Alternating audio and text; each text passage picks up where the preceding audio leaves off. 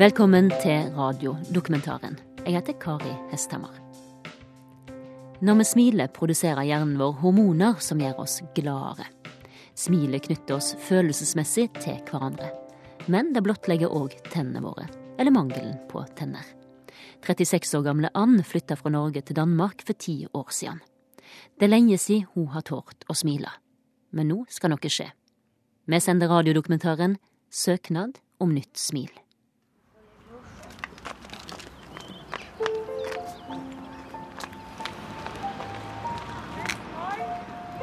Så er sommeren kommet til Danmark. Varmen stiger fra asfalten. Og der kommer Ann med sitt lange, mørke hår og sin røde kjole. Hvis hun klarer å holde munnen lukket, vil du kanskje tenke der går en ung, vakker kvinne på vei inn i sommeren. Men så går hun inn på kommunekontoret i Randers. Kanskje hun jobber her, tenker du. Eller kanskje hun skal søke om byggetillatelse til en ny garasje. Så skal vi inn her og hente en gul eh, søknadsseddel. Hei. Men så åpner hun munnen, og du plasserer henne raskt i kategorien misbruker. Jeg skal søke om tannbehandling. Ja. Må jeg be om å få en sånn søknad? Det er viktig du får all dokumentasjonen med. og Ja, men er det har jeg ja. derhjemme. Det er en så tykk Ja. Ja. Det at man ikke har penge, det er ikke nok. Nei, nei, det forstår det- jeg. Men det er et sosialt problem for Ja. meg. Jeg, jeg, jeg kan ikke smile, jeg Nei, kan ikke spise min mat. det. Ja. Det er to retninger. Opp og ned. Så jeg, jeg er nødt til å gjøre noe med det. ja. Og jeg har, har så tannpine, så Denne fortellingen handler om deg, Ann, som gjerne vil opp. Men jeg kan godt legge ved et ekstra ark her hvor det står en ja, det virkelig dyp dyp Ja, det kan det sagtens. Som gjerne vil ha nye tenner Hvad har du i og smile til din sønn igjen. Det er 04 Det er nok. Så blir det sendt i posten Ja. i løpet av noen dager. Det starter her. Gi meg en ekstra tilfelle jeg skriver feil. Ja. Ja. med en søknad om et nytt smil. Ha en god sommer. Hei. Hej. Sånn.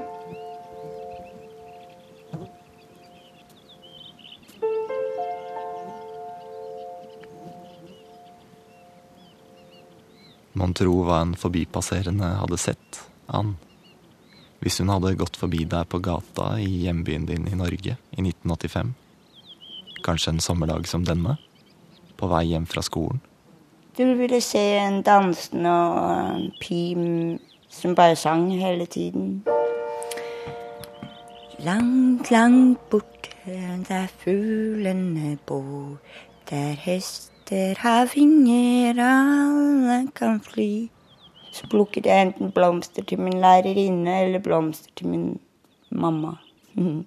De gule, små blomster så man kan bli gol under hakene. Så fikk jeg tankefri. Glemte alle problemer.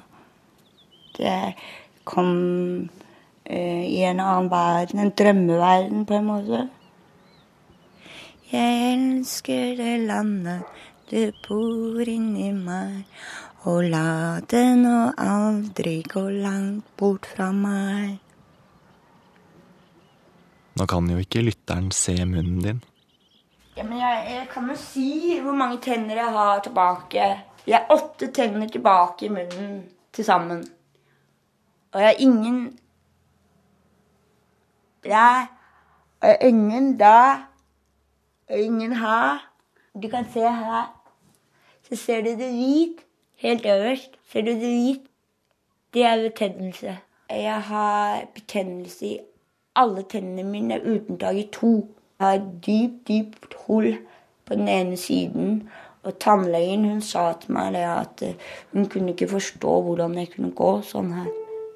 Og jeg har ikke råd til å betale mitt gebiss.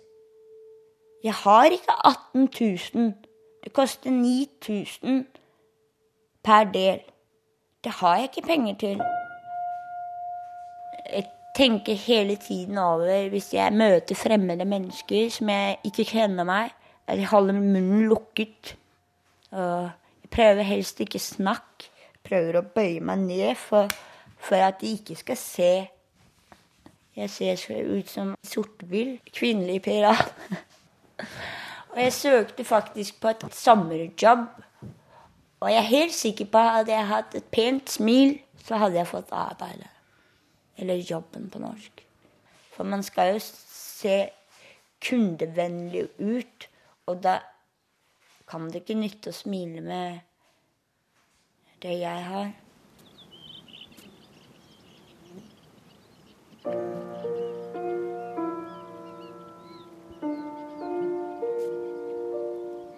Men den gangen, en sommerdag for lenge siden, da du gikk på din barndoms veier og plukket blomster og sang, og det fikk deg til å glemme, hva var det du ville glemme? Den gangen så hadde jeg en mor som var med, meget syk. Hun ble 100% ufør når hun var 28. Eh, Da var vel min søster to. Vi var inne og ut av Rikshospitalet hele tiden. Og vi hadde hjemmehjelp på alt mulig. Hun kunne jo ingenting. Altså, hun sov hele tiden. Det kan jeg godt forstå når hun er nyresyk.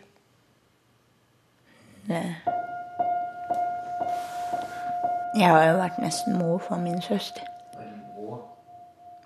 Jeg så var jeg på han, sånn at vi kom i skole og sånn. Og så skulle vi ha besøk av eh, kommunen. Altså barnevernet. Jeg vasket gulv.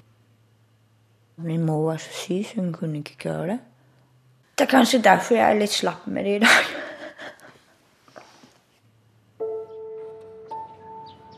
Dere har det så fint i det lille danske hjemmet deres på landet. Et rekkehus med planter i kjøkkenvinduet og nyklippet hekk. Nå har jeg siddet og printet ud, jeg vet ikke hvor mange sider, sådan en stak her, her i morges. Så skal vi inn med søknaden i morgen på kommunen. Med den søknaden. Det var et virvar å komme gjennom. Det var på nære nippen at jeg ga opp, altså. For de skulle ha alt. Saksbehandlerne har innsyn i journalene dine. De kommer til å lese historien din. Amfetamin det påvirker din syke. En lang og velkjent historie om et liv som styrter mot avgrunnen. Det ødelegger deg. Kanskje ser de at du ikke har hatt jobb på mange år, Det spiser deg opp. Innvendig og ord. at du har en sønn i Norge, at du har vært hjemløs, Det har spist opp mine tenner.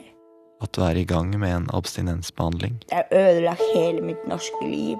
at du kom til Danmark for ti år siden, Det er vanskelig å forklare hvor mye det har ødelagt. at du og mannen din Thomas kom ut av fengselet for litt over et år siden, at du satt inne i drøyt to år etter å ha smuglet hasj, Og jeg ser skjebne nå i dag som går den samme vei som jeg gikk. Unge folk, gamle folk som er på sånn dritt. For det er jo dritt. men de kan nok ikke lese om den beslutningen dere har tatt. Den beslutningen den tok vi før vi kom ut av fengsel. Og jeg sa til han at eh, hvis det blir det samme, så går jeg fra det. Jeg vil ikke være med på det her. Jeg vil ut av det her. Så sa han at det syntes han var en riktig god idé. At vi kunne starte på en frisk, helt nytt sted. Hva gjør dere når tvilen og suget tar over? Hvis Thomas begynner å snakke om det, så sier jeg til han ikke snakk om det. Tenk på noe annet. Nå står han i hagen og snakker med naboene som vi har. De er meget hyggelige, de naboene. De passer på når vi er borte på telttur. Og de passer på når vi ikke er hjemme. Og vi passer på dems hus. Men demonene forsvinner jo ikke. Du har jo den apen på skolen. Eller apen, som du kaller den. det du kjemper med? Hva sier apen? Å, du har jo vært så flink så lenge. Du kan jo bare Det gjør ingenting om du bare tar litt. Og hva sier du til den? Litt skal ha mer. Og mer og mer og mer. Men, eh, men jo lengre tid det går, jo sjeldnere kommer den apen på skulderen.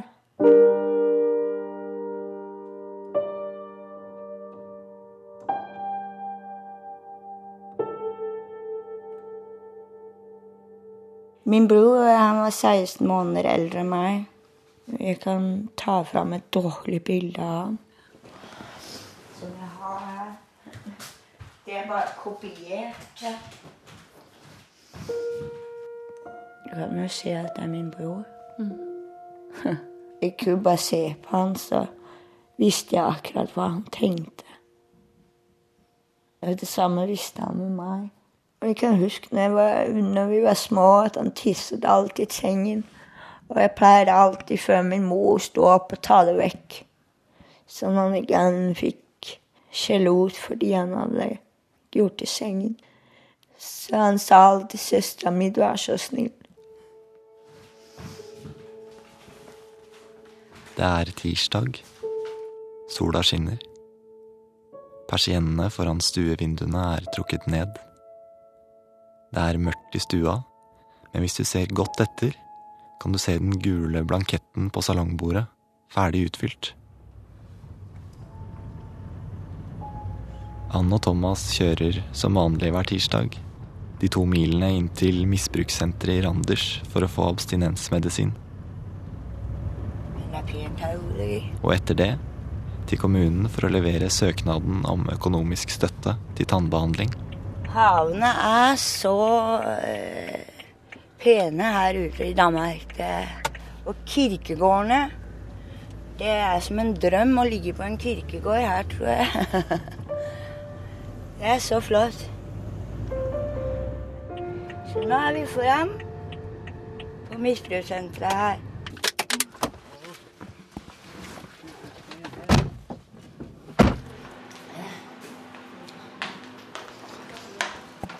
Hei. Hei, hei. Hei. Må jeg be om min medisin?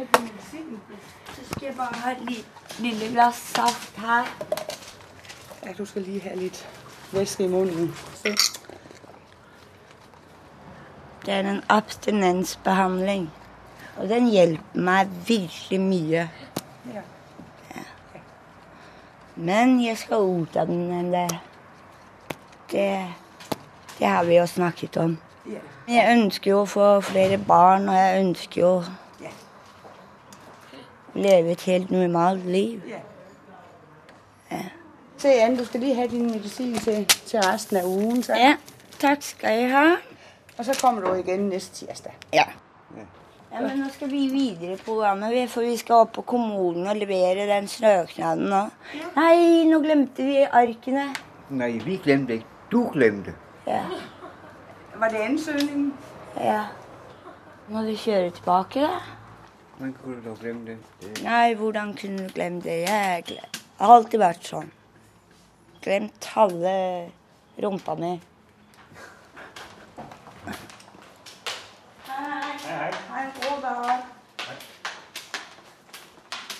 Hjernecellene mine de ligger i dvale pga. at jeg har øh, røykt for mye hasj. Så jeg skal bare arbeide med det, og det gjør jeg også. Jeg arbeider med sånn hjernetrim, kryssord.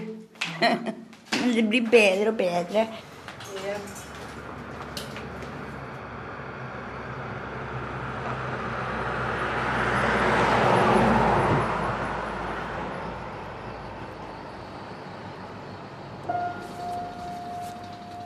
på hvor høy solsikke jeg har. Den er over to meter. Jeg, jeg, jeg tror den er to fem- 45. Og så har jeg rips. Og så har jeg ni plante kartofler. Og nå husker jeg ikke, jeg tror det er ti purrer. som overlevde. Kartofler, det er poteter da, på norsk. Poteter. det er Elins roser. De fikk jeg i, føds, eh, i bursdagsgave av min kusine i fjor. Så de har kommet igjen. Jeg trodde heller ikke de skulle overleve. Her ute på den marken her, her vokser det blomster gjennom hele den bakken. Og det går sauer. Vilt. Og kuer vilt. Vi var der hver eneste helg gjennom hele min oppvekst. Et bilde av en hytte på fjellet. Det er utrolig fint oppe på fjellet.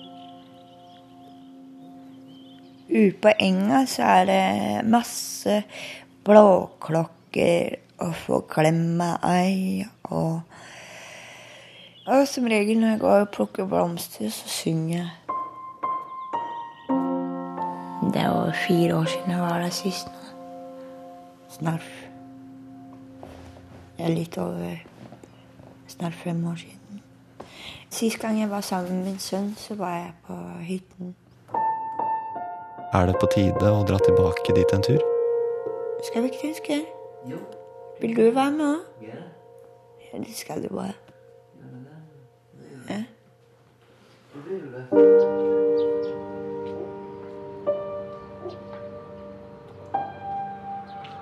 Det er sommer, den varmeste i manns minne. Glemsomheten kostet deg tid og en ekstra kjøretur til kommunen. Men nå, nå ligger den gule blanketten og alle bilagene i saksbehandlerens innkurv. Og der blir den liggende en god stund. Dessverre hun som har med den saksbehandlingen å gjøre, hun er dessverre på ferie. Den som søker om et nytt smil, må smøre seg med tålmodighet. Jeg må vente til sommeren har gått. Hun har sikkert mange saker også i kommunen, så det vil si at jeg regner med at det er en behandlingstid på tre-fire måneder. Kanskje til jul så får jeg et nytt smil. Ja. Der! Er min sønn. Det er faktisk åttende klassebilde. Han går i niende klasse nå. Ja. Der er meg og han. Vi er og bader. Og det er bilde av meg når jeg var 17 år. Nei, 18. Det var året før han ble født. Det var jo bare helt perfekt den gangen. Så kan du se det går bare nedover, nedover. Og der er min sønn på fisketur.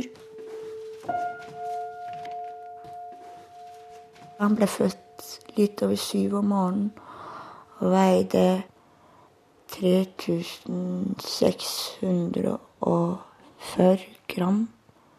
Og han hadde 35 cm rundt hodet. Og han var 52 cm lang. Jeg var kun 19 20 år, det òg. Da hadde jeg flottet tenner. Og han er større enn meg nå. Han er Jeg tror han er noen og en 80 høy, kanskje. Det, det, er noen år siden jeg har sett ham nå. Men jeg regner med at han er rundt i eh, 83. 1,83, 84.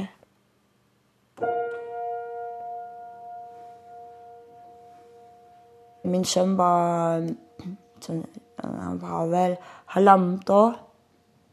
Ja. Da flyttet vi fra hverandre. Og så hadde vi halvt og halvt. En uke hos meg og en uke hos han. Fram til han var eh, nesten fire år. Han må ha blitt 13 år nå. Han var vel 8-9 da du så han sist? Jeg var så frekk, så jeg sendte en SMS til hans pappa at i dag har jeg fødselsdag. Så, så mm, var det et ukjent nummer som ringte meg. Så, så jeg, jeg pleier egentlig å ta ukjente nummer.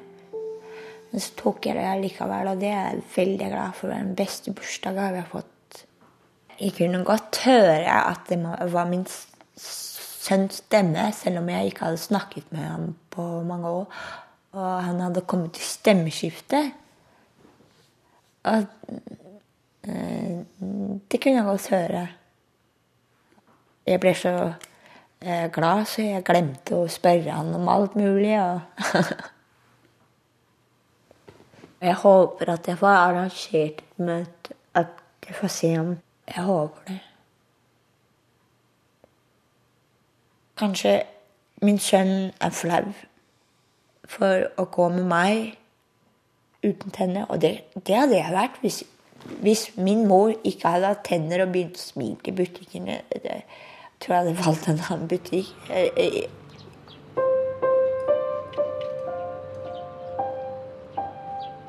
Mon tro om saksbehandlerne er kommet tilbake fra ferie. Mon tro om de har lest søknaden din nå.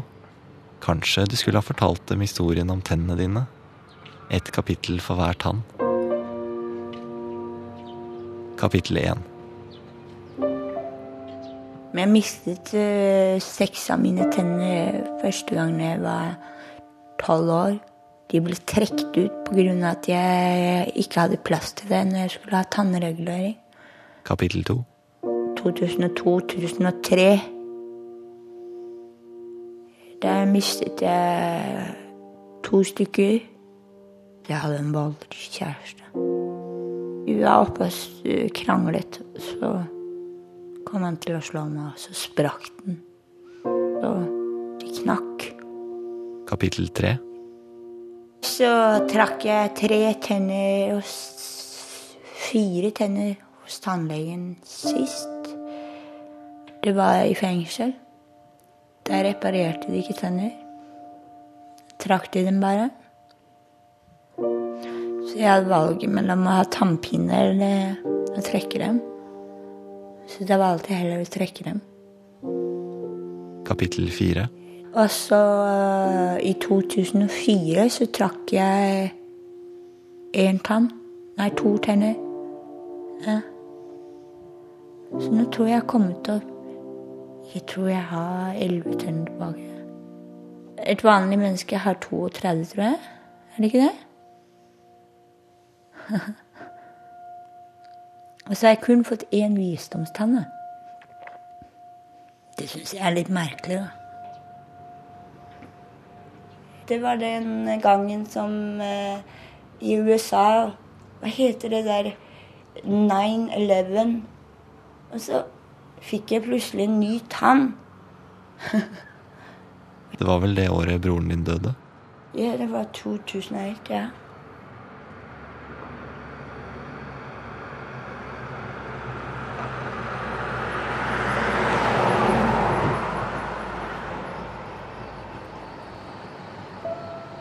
Skal vi ha litt mer te? Ja.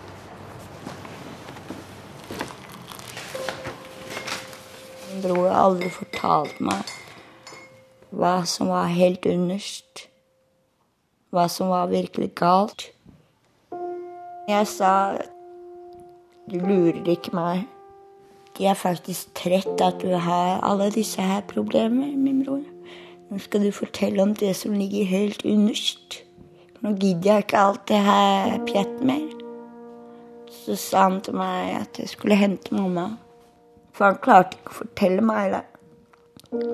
Så da hentet jeg mamma. Så jeg sa til henne at nå forteller du mamma alt. For hele familien er trett av å se på det her. Så da fortalte han alt. Og det kom som en sjokk for hele familien.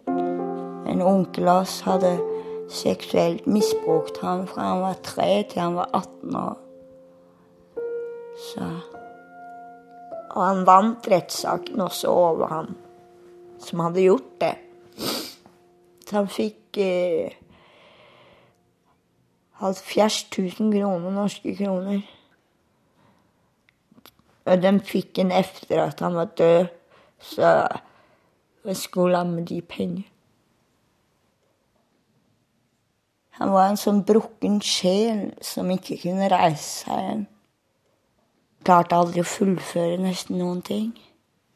Um, han klarte aldri å arbeide riktig. Han hadde Han ville bare glemme alt. Vekk fra alt. Så var det ganske skremmende hvor mye han hadde tatt. Nå sover han alltid, så det syns jeg er deilig. For min bror, han sov aldri godt. Aldri. Så nå sover han riktig godt. Han var alltid redd. Hele tiden. Den ene varme sommerdagen tar den neste. Kveldene blir litt kjøligere. Du slår av lyden på mobilen. Du trekker ned persiennene. Én. To. Tre uker går. Du går ut hver kveld i skumringen og vanner tomatplantene.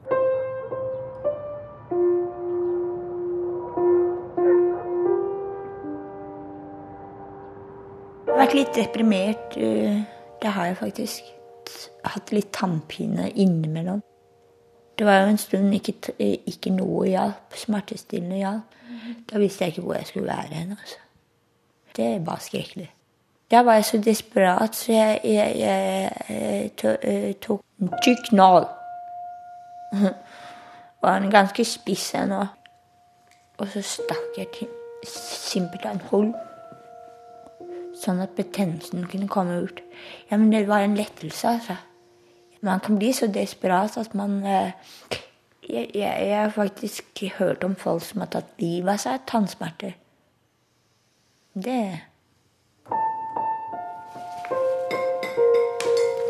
Men du har jo ikke fortalt at det endelig er kommet et brev fra kommunen. Det står at først må du undersøkes av din egen tannlege for at kommunen skal få et inntrykk av omfanget av skadene. Nå har jeg gått til en egen tannlege og tatt bilder av tennene og sendt det inn til kommunen. Tannlegen sa at jeg får beholde fire av mine tenner, for de kan reddes. De kan en rotfylle. Sånn at da får jeg beholde to nede og to oppe. Fire tenner som skal feste den nye plastprotesen, skriver tannlegen til kommunen. Som skal si ja eller nei til din søknad om et nytt smil. Tannlegen har fått bl.a. bilde av meg fra jeg var 17 år, sånn at hun kan eh, rekonstruere tennene mine som de var. Og det gleder jeg meg til å bli hel igjen.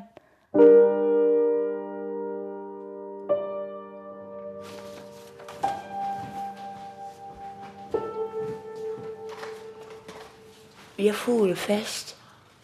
Er det ikke søtt? Kan du merke den første snerten av høst i lufta? Jeg vet ikke hvor mange foler det er. Det er i hvert fall kanskje 50 foler på folebrettet der. Nok en gang er søknaden din til behandling i kommunen. Nei, nå er det katt her. Katt Nå er rapporten fra tannlegen om skadens omfang lagt ved. Du må holde ut litt til. Jeg skal i hvert fall ikke ta med en hule, i hvert fall.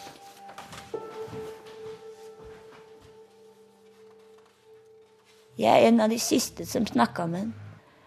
Han spurte meg om jeg hadde det bra, så løy jeg til han og sa at jeg hadde det bra, men jeg hadde det ikke bra. Fordi han ikke hadde det bra. Det kunne jeg ikke si til han. Han tok alt han kunne komme tak i. Han tok amfetamin, han tok Nosinan, han tok alle mulige tabletter. Han fortalte meg alt hva han inntok. Og jeg sa til ham jeg ville ikke høre på det, jeg ville ikke høre på det. Og jeg holdt meg for ørene, og han skreik inn i mitt når jeg holdt meg for ørene, og sa jeg er nødt til å fortelle det til noen jeg tar. Du, jeg er nødt til å være så ærlig. Men det var meget ungt for meg som hans lillesøster å sitte og se på og bite hva han puttet i seg, hva han ødela seg med.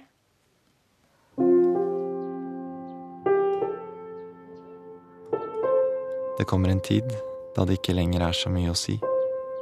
Fuglene flyr lavere, De er svarte mot himmelen. Du trodde aldri at varmen ville gi seg, men selvfølgelig gjorde den det. Du finner fram høstklærne. Du venter fortsatt på et svar. At this age, they still face many unexpected dangers. Det er ringbjørner fra, fra Kina. It's a standoff. Neither seems quite sure what to do. De heter ringbjørner pga. den ringen på brystet. Jeg elsker dyr og natur og The bear's nerve breaks first. Thomas er litt trett av at jeg ser på det hele tiden. nå. To capture such behavior is a great stroke of luck,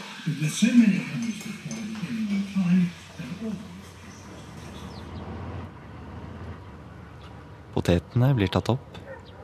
Bærene blir til syltetøy. Fugleungene vokser. Og så, endelig en dag,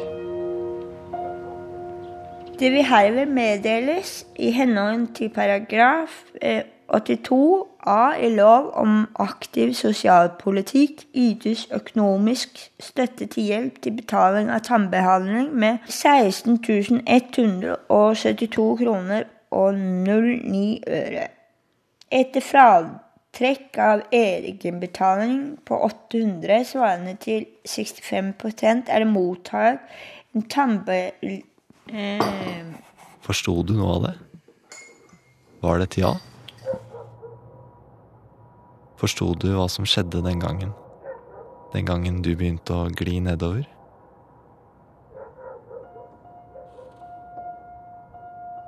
Den gangen var jeg nykter og hadde arbeid og alt mulig.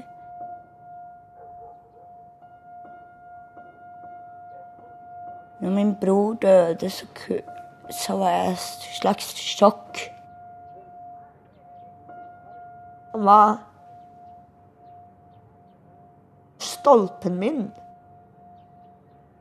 Og når stolpen min var vekk, hva skulle jeg så holde meg til?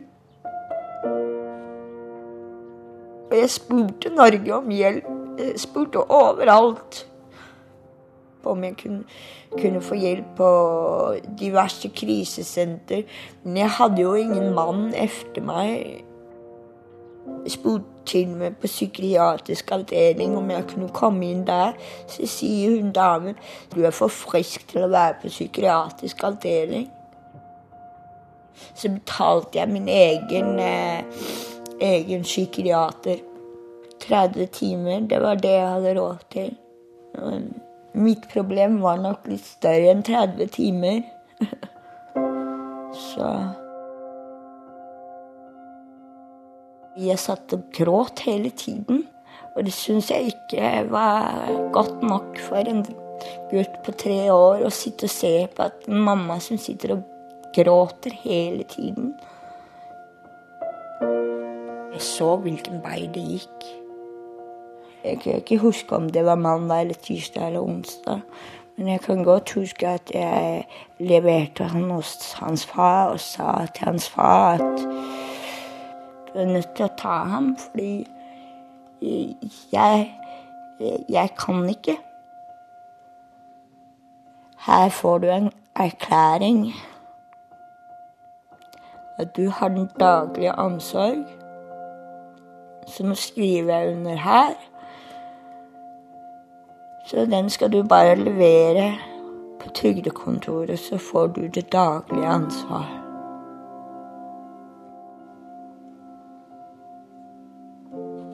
Vi kjørte bilen hjem, og så kom det en barndomskamerat av meg som var litt på stoffet. Han hadde stoffer i lommen. Og han så jo at jeg var ganske lei meg. Og det er det første gang jeg prøvde amfetamin den dagen.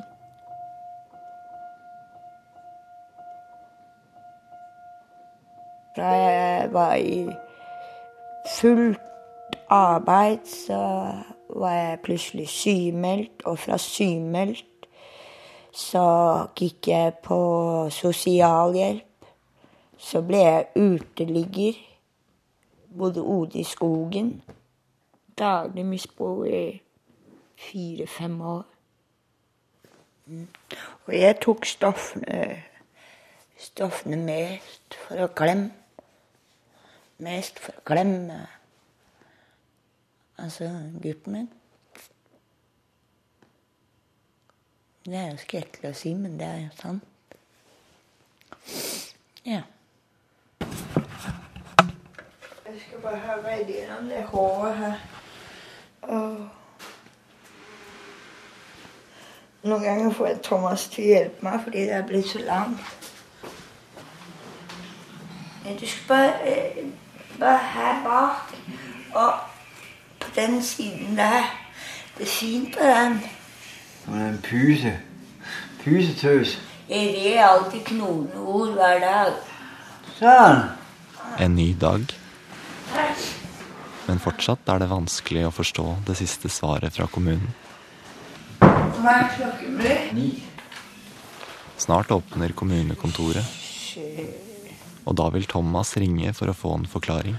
Hvis du skal ringe kommunen for meg Ja. Nei. Vennligst vent et øyeblikk. Thomas snakker med saksbehandleren. Jo, det stemmer. Kommunen har bevilget støtte til tannbehandling. Men da vil jeg få et fint smil til jul. 65% av beløpet. De 35 siste prosentene må du betale selv. Saksbehandleren oppfordrer deg til å snakke med tannlegen din for å finne en løsning. Så hva er neste skritt på din vei mot smilet? Eh, Nå skal vi inn eh, til eh, tannlegen, hvor jeg skal ha lagd disse proteser. Og høre om jeg kan få en sånn avdragsordning. Og det regner jeg med går i orden. Tenk å aldri mer ha tannpine. Å, det skal bli deilig. Det skal bli deilig å bli ferdig med det her.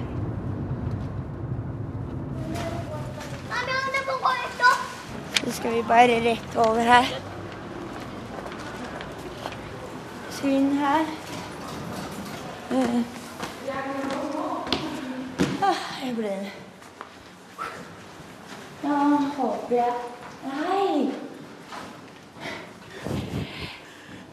Så står vi her ved tannlegen, og så står det på døren. Ferie. Vi er tilbake mandag den 28. oktober 2013. Sånn. Ja, men det Det er sånn som kan skje.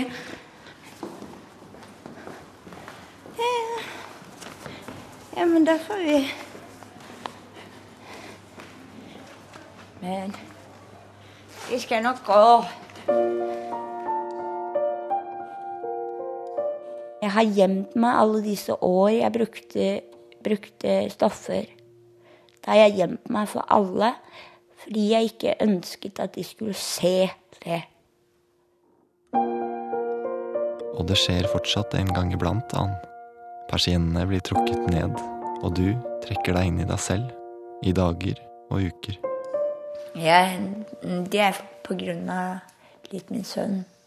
Jeg har vært veldig deprimert over at jeg kommer til å sende de, de pengene feil. Hans konfirmasjonspenger.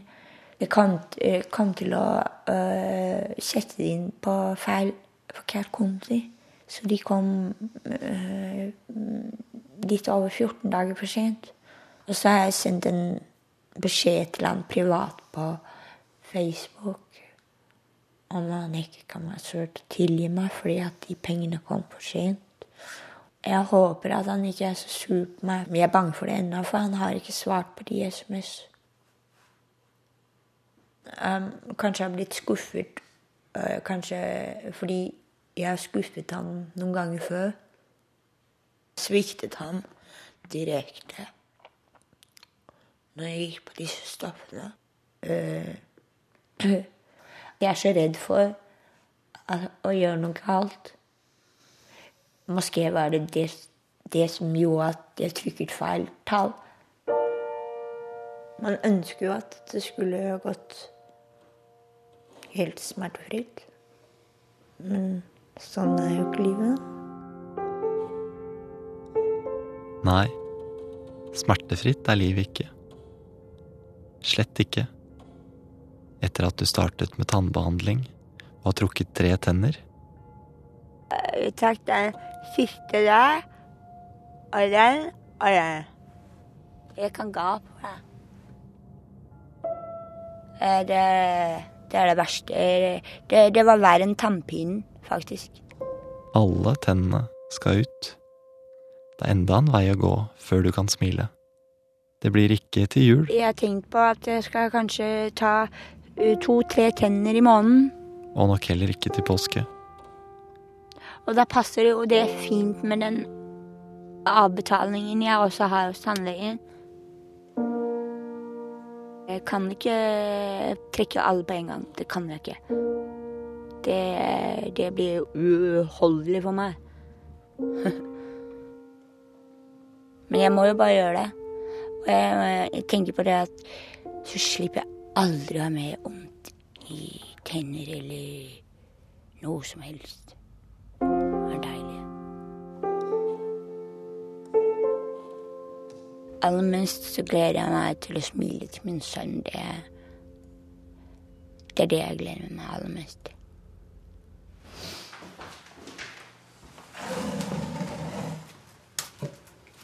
Litt langt gress. Her hadde jeg jo kartofler, og, eller jeg hadde poteter. Og så har jeg purre, og så har jeg eh, faktisk eh, rød løk. Det må jeg ta opp av jorden innen første nattefrost. Og jeg hadde fi, nesten 3,5 meter lang solsikke. De der solsikkene som sto her. Det er jeg meget stolt av at jeg fikk så fin høst. Det må jeg bare si. Men nå har jeg jo gravd opp alt, da. Så gjort det klart til, eh, til våren.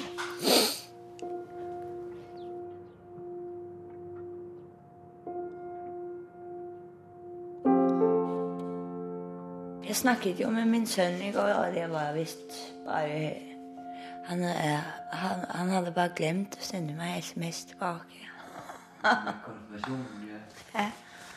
Han er ikke så glad for disse telefonene sånn, så han legger sin mobil vekk, du vet. Og så går det noen dager, og så kikker han på mobilen igjen. Så Men han sa det at det var bedre seint enn aldri. Så når han sier sånt, så, så er det som regel ut av verden. Så det var deilig.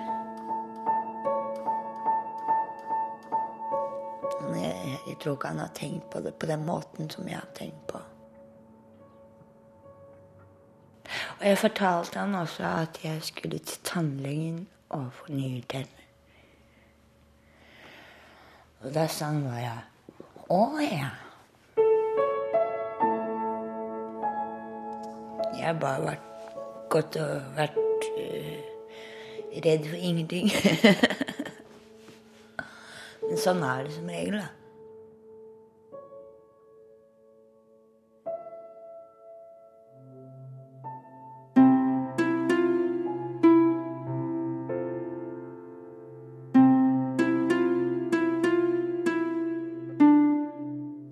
Du har hørt Søknad om nytt smil, en radiodokumentar om and som har mista 24 tenner og prøver å bli heil igjen. Programmet var laga av Rikke Hod. Teknisk regi var ved Kjetil Hansen, og konsulent var Berit Hedemann. Og du kan høre dette programmet om igjen når du vil, enten som podkast eller i radiospilleren på nrk.no.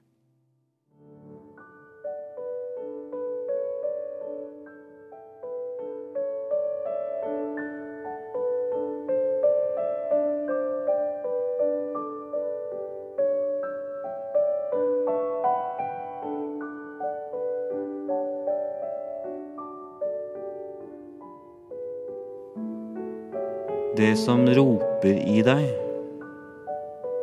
roper ikke på deg.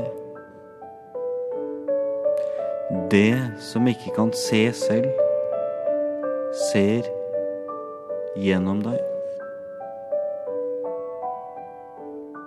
Det som ikke kan skrike selv, har ingen angst. Det trenger ikke ditt skrik. Du hører stemmer til Tor Ulven. myteomspunnen dikter og forbilde til Karl Ove Knausgård og en ny generasjon norske forfattere. I år ville han ha fylt 60 år, men han blei bare 41 år gammel. Hør radiodokumentaren 'Mørket i enden av tunnelen' lørdag om ei veke her på NRK P2.